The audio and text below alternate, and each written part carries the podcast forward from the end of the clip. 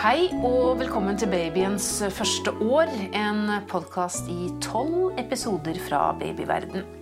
Hva kan en fem måneder gammel baby? Hva forstår den, og hvordan kan du støtte både den fysiske og den psykiske utviklingen til barnet ditt? Denne episoden handler altså om den femte måneden i barnets liv. Jeg heter Karine Næss Frafjord, og vi har med oss to eksperter i hver episode. En barnelege og en psykologspesialist.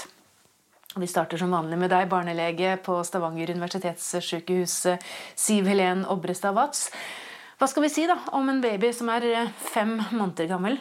Ja, eh, Nå er barnets eh, personlighet i full blomstring. Og som foreldre så vil du nå føle på at barnet er blitt et Eh, et lite sosialt individ som eh, du kan ha et godt og menings, meningsfullt samvær med.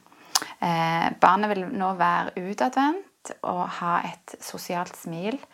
Og sjarmere de som er rundt seg med både, både, blikk, smil og babling. Så her blir det en liten personlighet født? Ja. Rett og slett? Ja. Barnet svarer aktivt med babling og, eh, på språkstimuli. og begynner å få tak på den dialogen som har blitt etablert gjennom leksamhandlingen med den voksne som, har, som, du har på en måte stimulert og eh, vært til stede med barnet eh, gjennom disse månedene. Så nå får du liksom payoffen? ja. ja jeg får jo håpe det at barnet, barnet tar det videre, da. Og eh, eh er med på å så eh, Eh, ja, eh, lage noen lyder for å tiltrekke seg oppmerksomhet, og at du svarer på de lydene barnet lager. At du eh, imiterer lydene. Barnet liker best eh, fremdeles sånn babylyder, og, og, at du synger, eller at du eh, nynner. Og, og eh, viser hvordan de liker, med, med smil og, og, og latter. Begynner å få en humoristisk sans. Mm. Um, og barnet klarer òg nå bedre å uttrykke følelser. Eh, både med smil og latter, men òg med, med, ansiktsuttrykk eh, og lyder og gråt. Og det utvikler evnen til å forstå emosjoner eh, ut fra ditt toneleie og kroppsspråk. Eh, og kan respondere til dine følelser. En kan si det sånn at et barn, selv om det barnet ikke forstår ordene som du sier til barnet, så blir det eh, litt En kan sammenligne det med som en eh, Hvis du er i et land du ikke forstår språket til de som snakker, så vil du, vil du allikevel forstå hva de prøver å kommunisere med at eh, hvordan de kommuniserer med kroppsspråk og toneleie. På samme måte er det som et, for et barn at de vil forstå mye mer enn det du tenker de gjør. Så de forstår at når mor og far er glad eller litt triste, eller kanskje ja. sinte også? Ja. De, sen de senser mye de mer? De senser, og de kan òg nå følge, følge, blikket og forstå på en måte når eh, ditt blikk Hvis du ser på en annen person, at du er opptatt av noe annet enn akkurat barnet. Mm. Um, men, og det som er spesielt for denne perioden, er at eh, barnet blir veldig opptatt av de nære omsorgspersonene. At de eh, identifiserer seg med de nærmeste kontaktpersonene, og kontakten med andre får nå et mer bevisst preg. Altså at de at de blir mer redde for fremmede som de ikke kjenner igjen. At de, de, viser en iver for hvis det foreldre eller søsken og liker ikke når du går, og vil helst at du skal komme tilbake, så følger deg med blikket, f.eks. Og hvis det da kommer fremmede, så kan de vise eh, skepsis til, til, at det er en ny person. Hvordan skal man som foreldre forholde seg til det da, hvis det kommer fremmede? Ja, da er det jo veldig viktig å støtte det barnet i å trygge det i at det er det er greit med fremmede, og at, eh, at du roer barnet hvis det gråter. Eh, og, og viser barnet at det er eh, regulerer barnets følelser, da. At det, det, det går fint. Og, og snakke med en, en, stemme som viser at du er rolig, og, og at det er ja, greit. Mm. Mm. Ja, og så er det det med at eh, eh, barnet begynner å lære mer om seg sjøl som et selvstendig individ. At eh, hvis du f.eks. går forbi et speil, så vil plutselig barnet oppdage seg sjøl i speilet og kan begynne å smile eller pludre til sitt eget speilbilde. Eh, men barnet forstår fremdeles ikke at det er, det seg sjøl de ser dette er noe de vil utvikle etter hvert, den forståelsen av, av sitt eget individ, og det skjer i siste, i siste del av første leveår. Mm. Eh, og så, når barnet er fem måneder, så er, har det veldig interesse for eh, hvordan det, aktiviteten det, eh, til barnet påvirker omgivelsene. F.eks. så liker et barn veldig godt hvis en kaster eh, Hvis barnet kaster noe, altså dette på gulvet, og hvis du plukker det opp igjen, så vil barnet fort prøve å gjenta dette og se om den samme handlingen gjentar seg. Og hvis du da plukker det opp igjen på ny og på ny, så syns barnet at dette er veldig kjekt. Men er det òg litt trening av motoriske ferdigheter? Ja, ja, og det, vel, det, blir på en måte en trening av det å forstå eh, konsekvenser av handling. da. At eh, barnet lærer gjennom eh, gjentagelse, repetisjoner. Og hvis du repeterer en, eh, en handling, eh, så vil barnet raskt forstå at, eh, ja, at det som skjer, at det er en rekkefølge på handlinger. da. Men Hvordan er barnet motorisk nå? Fem måneder? Hva, hva, hva skal det kunne? Ja. Nå har eh, de fleste, eller mange av de primitive eh, refleksene som vi har snakket om i tidligere episoder, mm. de har nå eh, forsvunnet. og det gjør at barnet har mer kontroll over kroppen, og at barnet bar, I de første eh, levemånedene så er barnet i et sånn bøyemønster, at de fleste ledd er bøyd. Nå vil barnet klare å strekke ut mer. Eh, og det, det, klarer de òg med fingrene, hendene. De strek, eh, klarer bedre å strekke de ut. Og eh, det gjør at de nå kan begynne å gripe. Eh, sånn at det, når barnet er fra, nå, fra fire måneders alder, så sier vi at barnet griper aktivt. Ehm, og er veldig interessert i å gripe etter det de kan nå. Ehm, og da utvikler det seg etter hvert et samspill mellom eh, barnets hender og syn.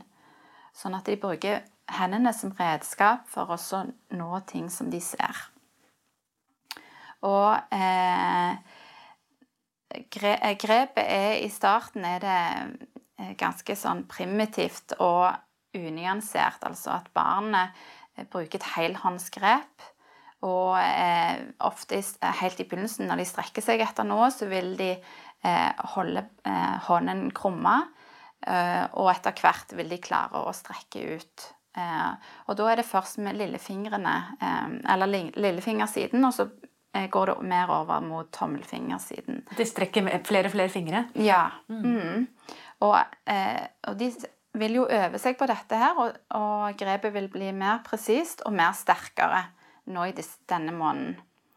Eh, og etter hvert så vil barnet eh, lære seg å kunne eh, flytte en gjenstand fra en eh, hånd til den andre. og det som barnet eh, griper, vil det ofte da utforske med hendene, men det vil òg putte alt i munnen. Sånn det, det, er veldig viktig å huske på at når barn har eh, Hvis barn får tak i noe eh, rundt seg som er innen rekkevidde, så er det viktig å huske på at det ikke legger småting rundt, sånn at barnet klarer å stappe små ting som eh, kan være risiko for at det kveles. Og hvis du legger barnet i mageleie, så vil nå barnet kunne ligge med stabil albuestøtte, altså at det vil klare å holde overkroppen over bakken og hodet godt over bakken og kunne rotere hodet fritt. Tenkte jeg bare skulle si litt om det, for Vi snakker mye ja. om at barnet skal være på mageleie, men kanskje presisere at det skal sove på ryggen? Ja, det er veldig viktig at barnet sover på ryggen. Eh, og eh, det vil på en måte naturlig være Når barnet etter hvert vil kunne rulle over eh, fra rygg til mage, når det er sterkt nok til at det kan gjøre det, så eh, For mange er redde for at eh, jeg våkner, så lå barna på magen. Mhm. Men, men eh, når barnet er sterkt nok til det, så sier vi òg at da, da skal det òg klare å rulle, eh, rulle tilbake oss igjen. Og at det, men alltid legg barnet på rygg når Ja. du skal sove. Så, Men i våken tilstand så er det viktig å, å, trene Absolutt. magen og ryggen. Så da kan de ligge på magen. Da er det veldig, eh, veldig viktig at barnet legges ned på magen innimellom, og, og så ofte som barnet tolererer. For eh, det, som er, eh, det som er så viktig, det er at det, skulderbuen og nakken skal bli sterk nok til at barnet skal lære seg det med å, å rulle. For at etter hvert, når skulderbuen blir sterk nok, og, og barnet får økende kontroll og klarer å rotere i ryggen, så vil det klare å eh, legge seg, eller skyve tyngden over på den ene siden, sånn at det, den ene armen blir fri. Og barnet vil da kunne klare å strekke det, den armen ut og kunne gripe etter noe med den armen. Så du vil kunne støtte seg på kun den ene albuen. Og I denne perioden òg så trener barnet på å strekke albuene og, og komme høyere opp. Ehm, og fra mageleie så kan det være at mange barn faller på en måte over på ryggen. Og en tenker 'Å, barnet begynte å rulle'. Men, men det er mer eh, tilfeldighet at barnet detter over, da, for det mister balansen. Eh, mens vi sier at begynnelsen på rulling, det er når barnet i ryggleie eh, kommer over i sideleie, eh, f.eks. For, for å strekke seg etter en leke. At det begynner å få kraft eh, nok til å komme opp i den posisjonen. Når sånn cirka skjer det, da? Det, det, de begynner allerede å trene på det nå, men de eh, gjennomsnittet klarer å rulle når de er ca. Eh, syv måneder. Eh, da klarer de å rulle som regel begge veier. Eh, men, og vi sier at eh, 90% har klart det når de er ni måneder. Men det er noen som allerede nå begynner å øve på det med, med rulling. Men først må de lære seg det å legge tyngden over på ene albuen. Og, og så er det òg at det som er viktig, det er at eh, når de ligger i ryggleie, så begynner de nå å trene seg på styrken i eh, å løfte hodet. Altså styrken inn i eh, nakke og øvre del av bryst og øvre del av mage. Og når de da nå klarer å løfte hodet, så vil de oppdage kroppen sin og oppdage knær og etter hvert tærne. Og da vil, de et, eh, da vil de prøve å bøye seg mer og mer, så de får tak i, i tærne sine. Hvorfor er tærne så spennende for små babyer? Jo, det er jo fordi at eh, det er jo kjekt å ta tærne inn i munnen. Og det er jo en kroppsdel Alle kroppsdeler er jo interessante for babyen. De har jo lekt masse med hendene nå, og nå, er det på en måte tærne som er det nye. Det nye de kan utforske. Så, og når de da klarer den eh, eh, eh, på en måte å løfte eh, tærne helt opp, så er det med på å hjelpe de til å rulle over i mageleie. Så de må både kunne strekke og, rulle, og bøye for å kunne rulle. Høres ut som barna holdt på med en skikkelig styrketime. Ja, det er en, det er en komplisert egentlig, det motoriske bevegelse, det å rulle. Men det er jo forstadiet til å kunne krype og gå. Det er veldig viktig.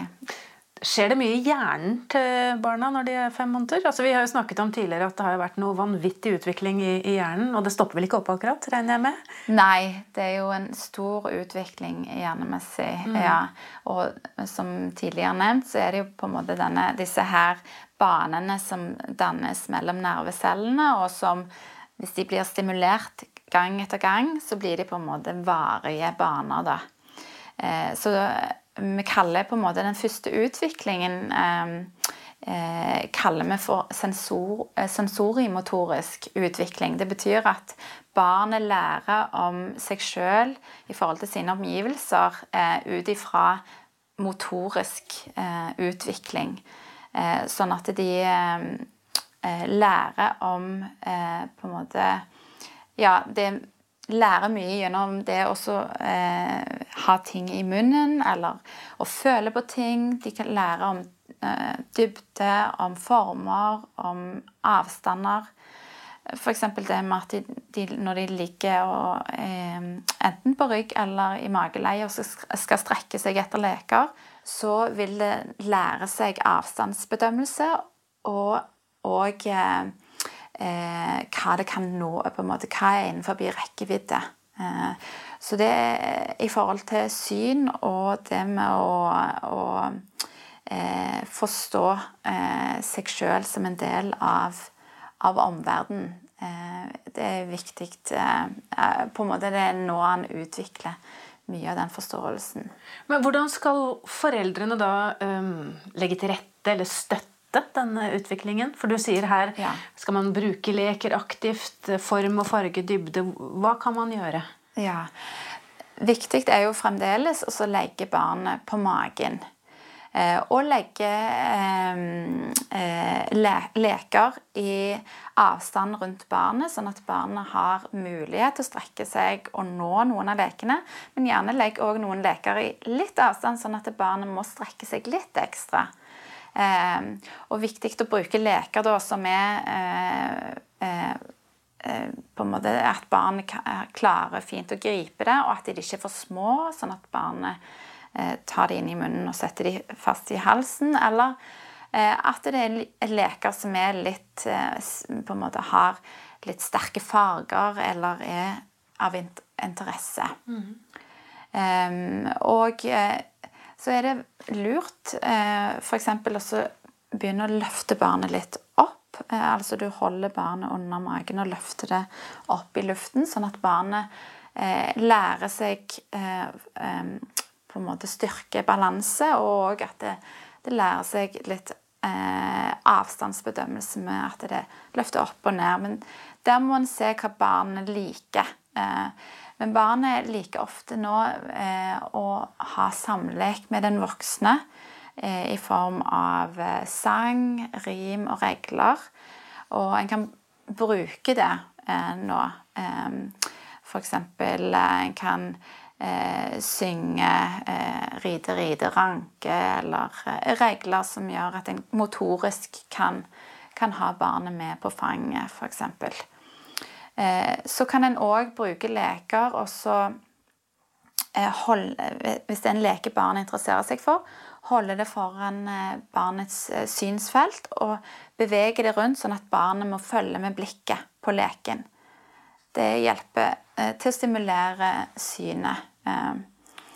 Og så er det òg det at barnet kan ha leker med forskjellige former som det kan tygge på kanskje som lager lyd når det, når det tygger på det eller, eller tar på det. Eh, F.eks. sånn gummileker. Um, og eh, kan være med og hjelpe hvis barnet nå begynner å få tenner òg, at de kan tygge på det. Eller du kan ha leker der barnet, når barnet er i sittende stilling i en vippestol, f.eks. at barnet har noen leker foran, at det kan ta rekke mot og ta mot det. Um, Ellers så er det jo viktig det med å lese bøker sammen med barna fremdeles. Gjerne bøker med mye eh, spennende farger og bilder. Eh, og, og eh, pekebøker. At du kan snakke i enkle, enkle setninger rundt det som er av bilder. Vi vet jo at barn som blir lest for tidlig, de får et uh, veldig godt utgangspunkt for å lære å snakke, og et godt ordforråd. Ja. ja. Så det er også en del av, av læringen. Av den språklige utviklingen er det mm. veldig viktig. ja. Og det å sette ord på ting. Eh, sette ord på, på eh, eh bildene, men òg gjerne starte i det små. Ja, dette er en bil. Ser du den røde bilen? At mm. du utformer på en måte at barnet Eh, forstår flere og flere ord.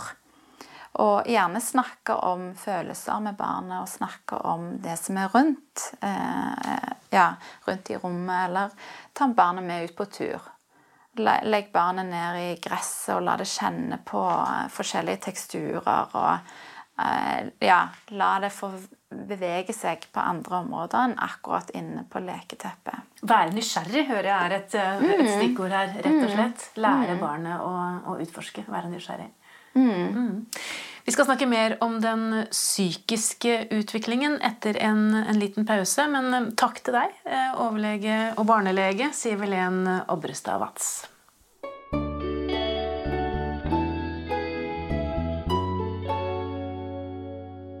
Velkommen til deg, psykologspesialist Grete Tangen Andersen på BUP i Stavanger. Vi hørte Sivilén snakke om hvor viktig det er å bruke leker for å gripe etter. Og, og ja, rett og slett som læring, da, fysisk utvikling. Men hvordan har det å si for den, for den psykiske utviklingen? Ja, det, og det går jo veldig på hvordan foreldre kan på en måte støtte den fasen i barnets utvikling. Når de blir interessert i å vende blikket ut, og ting vekker interesse, og de strekker seg imot det. Og hvor avgjørende det er at foreldre følger det veldig oppmerksomt og med liksom glede. At, å benevne det barnet ser på, og vise at det er viktig og kjekt for foreldrene at barnet vender blikket ut og ser på verden og vil forholde seg til det. Leke med leker, og, og det går jo på den, et slags emosjonelt nærvær hele tiden da, som går på det å glede seg over det. Men man tror jo at det å ha et emosjonelt nærvær, som du sier, ligger eh, ligger latent, ligger i oss alle. Mm. Men gjør det det? Eh, det? På den ene siden så kan du si at det kanskje ligger til stede hos flere enn de som bruker det, fordi de kanskje ikke er blitt gjort så oppmerksom på at det er viktig å gjøre det, og at de kan gjøre det hvis de blir gjort oppmerksom på det. Og så er det kanskje noen som er blitt møtt ikke så godt sjøl, som bitte små, og ikke har opplevd så mye av at noen har fulgt deres interesse. Og da kommer det kanskje ikke så intuitivt hos de. Mm. Det, sånn, men allikevel så må en forsøke å vekke det og se om Men ofte så ser en jo det at hvis ingen har fulgt en sjøl, så følger en ikke så lett andre oppmerksomt og emosjonell. For det jeg tenker da, det å oppdra et barn, et spedbarn, og legge et godt grunnlag for at barnet skal få en god utvikling, ja. det, det krever kunnskap? Det krever faktisk kunnskap. Og det er klart at det har vært uh, ulik type kunnskap om barn opp igjennom. og hvis en tenker fra 60-70-tallet, så var det jo en eksplosjon når det gjaldt forskning på sped og små. Og det viste jo at de hadde mye mer kapasiteter inne hele tiden. Hvis en på en måte rettet seg inn mot det og søkte det og gikk inn i, i, i, kontakten med en forventning om noe. Mm. Og det er klart bare det første tre måneder, som vi har jo snakket mye om, men da var det jo ofte betegnet at barn ikke ga så mye kontakt. Og det er jo ikke riktig. Men barnet viste det jo på det som var naturlig for den, det utviklingstrinnet. Og seinere, når de f.eks. er fem måneder, så viser de det jo på en annen måte. Og er blitt mye mer samlet. Men da er det jo mye som ligger bak av historie faktisk når de er fem måneder. Av at de er blitt møtt med interesse og varme, blitt holdt trygt.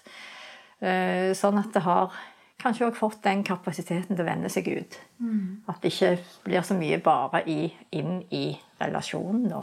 Men hvis man er en nybakt mor, far, medmor, altså en forelder som har en litt vanskelig bagasje med seg fra mm. egne foreldre ja det er kanskje viktig å si at det kan snus. Det trenger ikke å forplante seg videre. Nei, og jeg tror det er akkurat det som er så viktig, at det kan snus hvis det blir gjort oppmerksom på at det er noe som er vanskelig der. Så hvis en begynner å se det sjøl, og møter noen som hører litt på den historien Og der er en veldig kjent artikkel som heter 'Goats in Nursery'. Det er liksom spøkelser i barnerommet.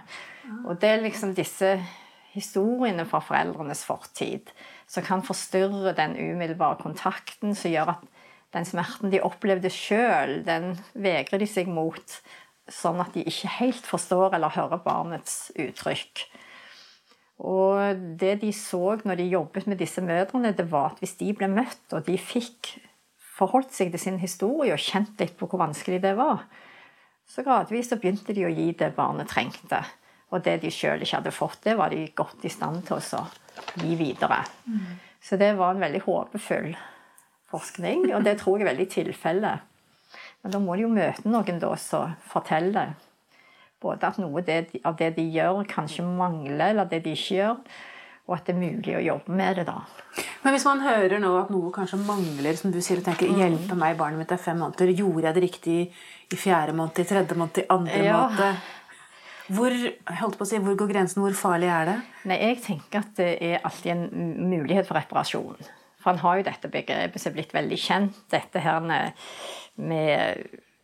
det, denne, tids, denne tiden er liksom optimal for en vi- viss utvikling. Dette toleransevinduet. Men en ser jo at det er mulig å gjøre det samme seinere. Og det kan ta litt mer tid, men hvis en gjør det, så er det mulig å reparere det som ikke har vært gjort tidligere, eller ikke har vært gjort konsistent nok, kanskje, Ja. tidligere. Det er aldri for sent. Aldri for seint, og det er veldig viktig å si. fordi av og til når en snakker, så kan det høres ideelt ut. En skal være glad og trygg og stabil. Men det er veldig ofte sånn at vi er jo ikke det. Det er egentlig det jeg prøver å komme Det fram det til. prøver å komme fram Ja. til. Det er jo så mange vanskelige følelser, motstridende følelser. og i bunnen ligger jo interessen for barnet. Og ikke sette listen så høyt at egentlig så vil vi falle alle.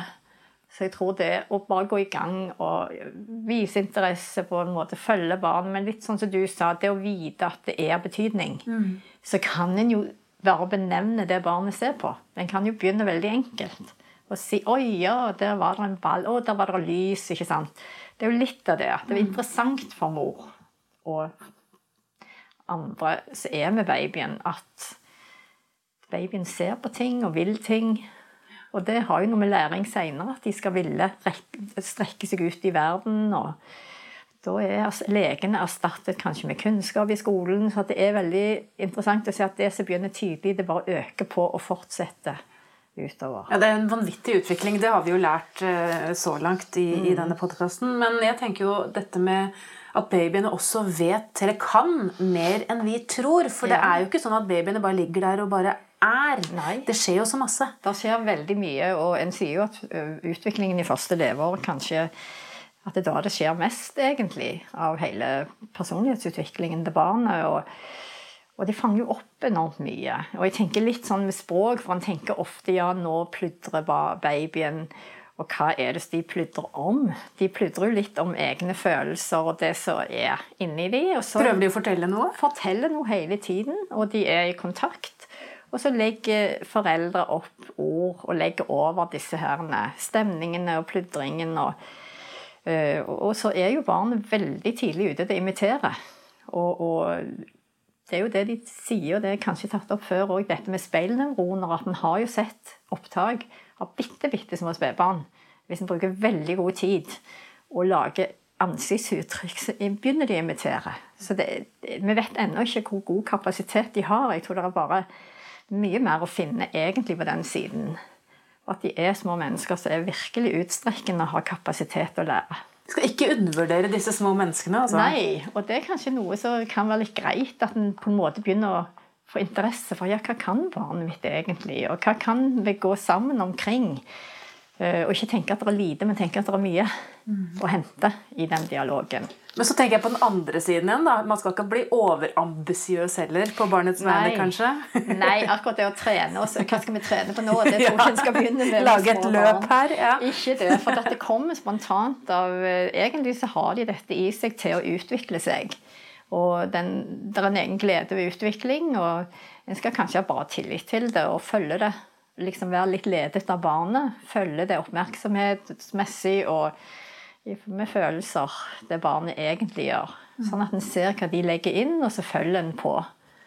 Sånn at en ikke ligger foran dem, men etter dem på et vis. Men, men hvordan vet man da, når man har en fem måneder gammel baby, at babyen er der den skal være? Eh, sånn utviklingsmessig. Jeg tenker En ser jo veldig på dette med at de gir blikk og pludrer, og at det er rettet mot deg. Og at de er nå både interessert i det som ligger utenfor, men òg veldig interessert i den kontakten. Og kanskje at det som ligger utenfor, er interessant fordi kontakten er trygg og god. Så at en forventer egentlig òg å se at barnet vender seg ut og kjenner seg har energi og overskudd til noe annet enn det som bare går inn i relasjonen. Til vår. eller den nærmeste, da. Men det er også sånn at nå begynner man å skille det snakket i hvert fall Siv Helene om tidligere i episoden, skille mellom eh, de næreste Ja. og gjerne de fremmede. Bli litt mer skeptisk til de fremmede. Ja, ja det, og det er, kan en tenke mellom fem og syv måneder. Så noen babyer blir veldig tydelige på det. Og hva de foretrekker, og at de vil ikke. Og så tenker jeg Og noen viser mindre, for noen foreldre når de får spørsmål om fremmedangst, så sier de å ja, de husker ikke helt det. Og jeg tror jo det kan ha noe med vaner å gjøre òg, at hvis det er mange, og at de skifter mange som får lov til å holde, så kanskje de venner seg mer til det enn de babyene som ikke øh, opplever så mye av det. Men barnet reagerer likevel, babyen reagerer likevel. Og de er veldig tydelige på hva de foretrekker. Og jeg syns mange mødre har sagt at hvis de får noen som skal passe på en kveld, en bestemor eller bestefar eller hvem, og de begynner å gråte, og de ringer etter mor må komme hjem, så stopper de med en gang mor kommer. Så de vet jo veldig tydelig hva de vil ha og trenger, og hvem som er foretrukket. Men hvis barnet er da hos en trygg bestemor eller en trygg bestefar, er det da farlig at de gråter litt? Det er ikke det. Og jeg tror jo mange, Det var en periode hvor mange sa at de skulle tyde kroppsspråket før babyen gråt. Og jeg tror det er veldig viktig at de får lov til å gråte, for det er jo en kommunikasjon. Og hvis en begynner å tenke at det er det, og ikke liksom et uttrykk bare for å, når de er sinte eller lei og fortvilet, men at de forteller deg noe, så kan en jo tåle det. Men jeg tror de tåler det bedre hvis de møtes på følelsen istedenfor at en prøver å nei, nå prøver å lage de glad. Så tror jeg en sier ja, det var dumt, nå kommer mamma snart, f.eks. At en inntoner seg på det. Og, og der er det jo òg noen som har prøvd med noen som sitter og virkelig møter en baby på det emosjonelle, og hvordan den babyen egentlig blir tydeligere, på- tydeligere på følelsen, men roer seg og ikke blir at det eskalerer, at de blir mer og mer urolige og gråter mer og mer, men at de blir mer sånn åh, sukker og viser tydeligere at dette er galt og ille.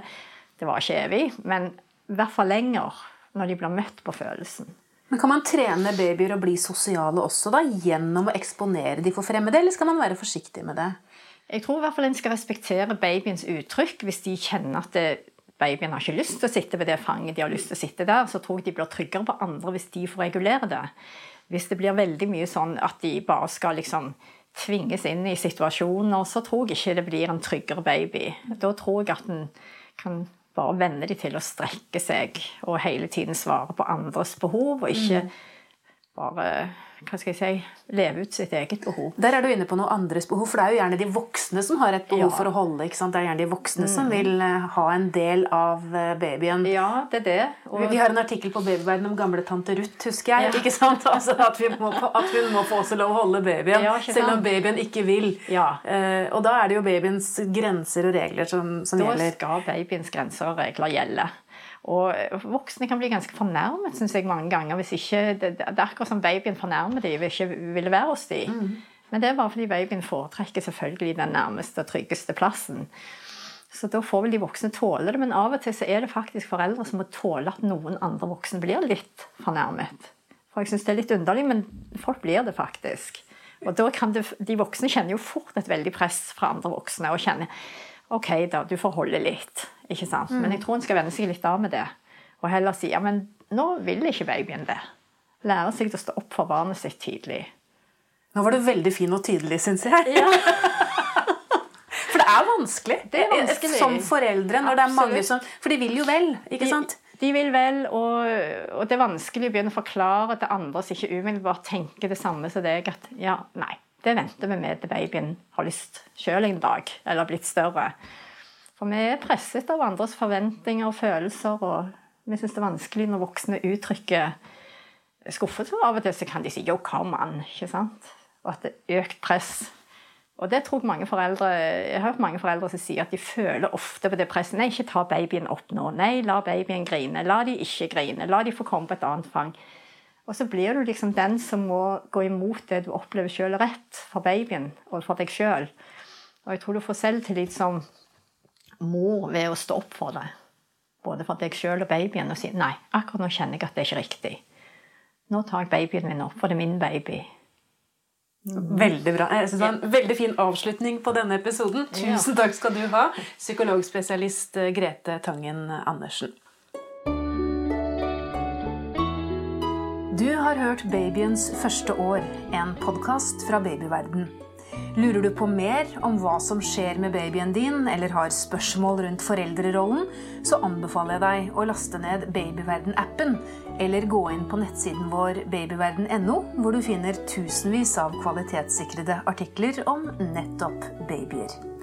Jeg heter Karine Næss Frafjord. Takk for at du hørte på, og jeg håper du vil følge oss videre i babyens utvikling måned for måned.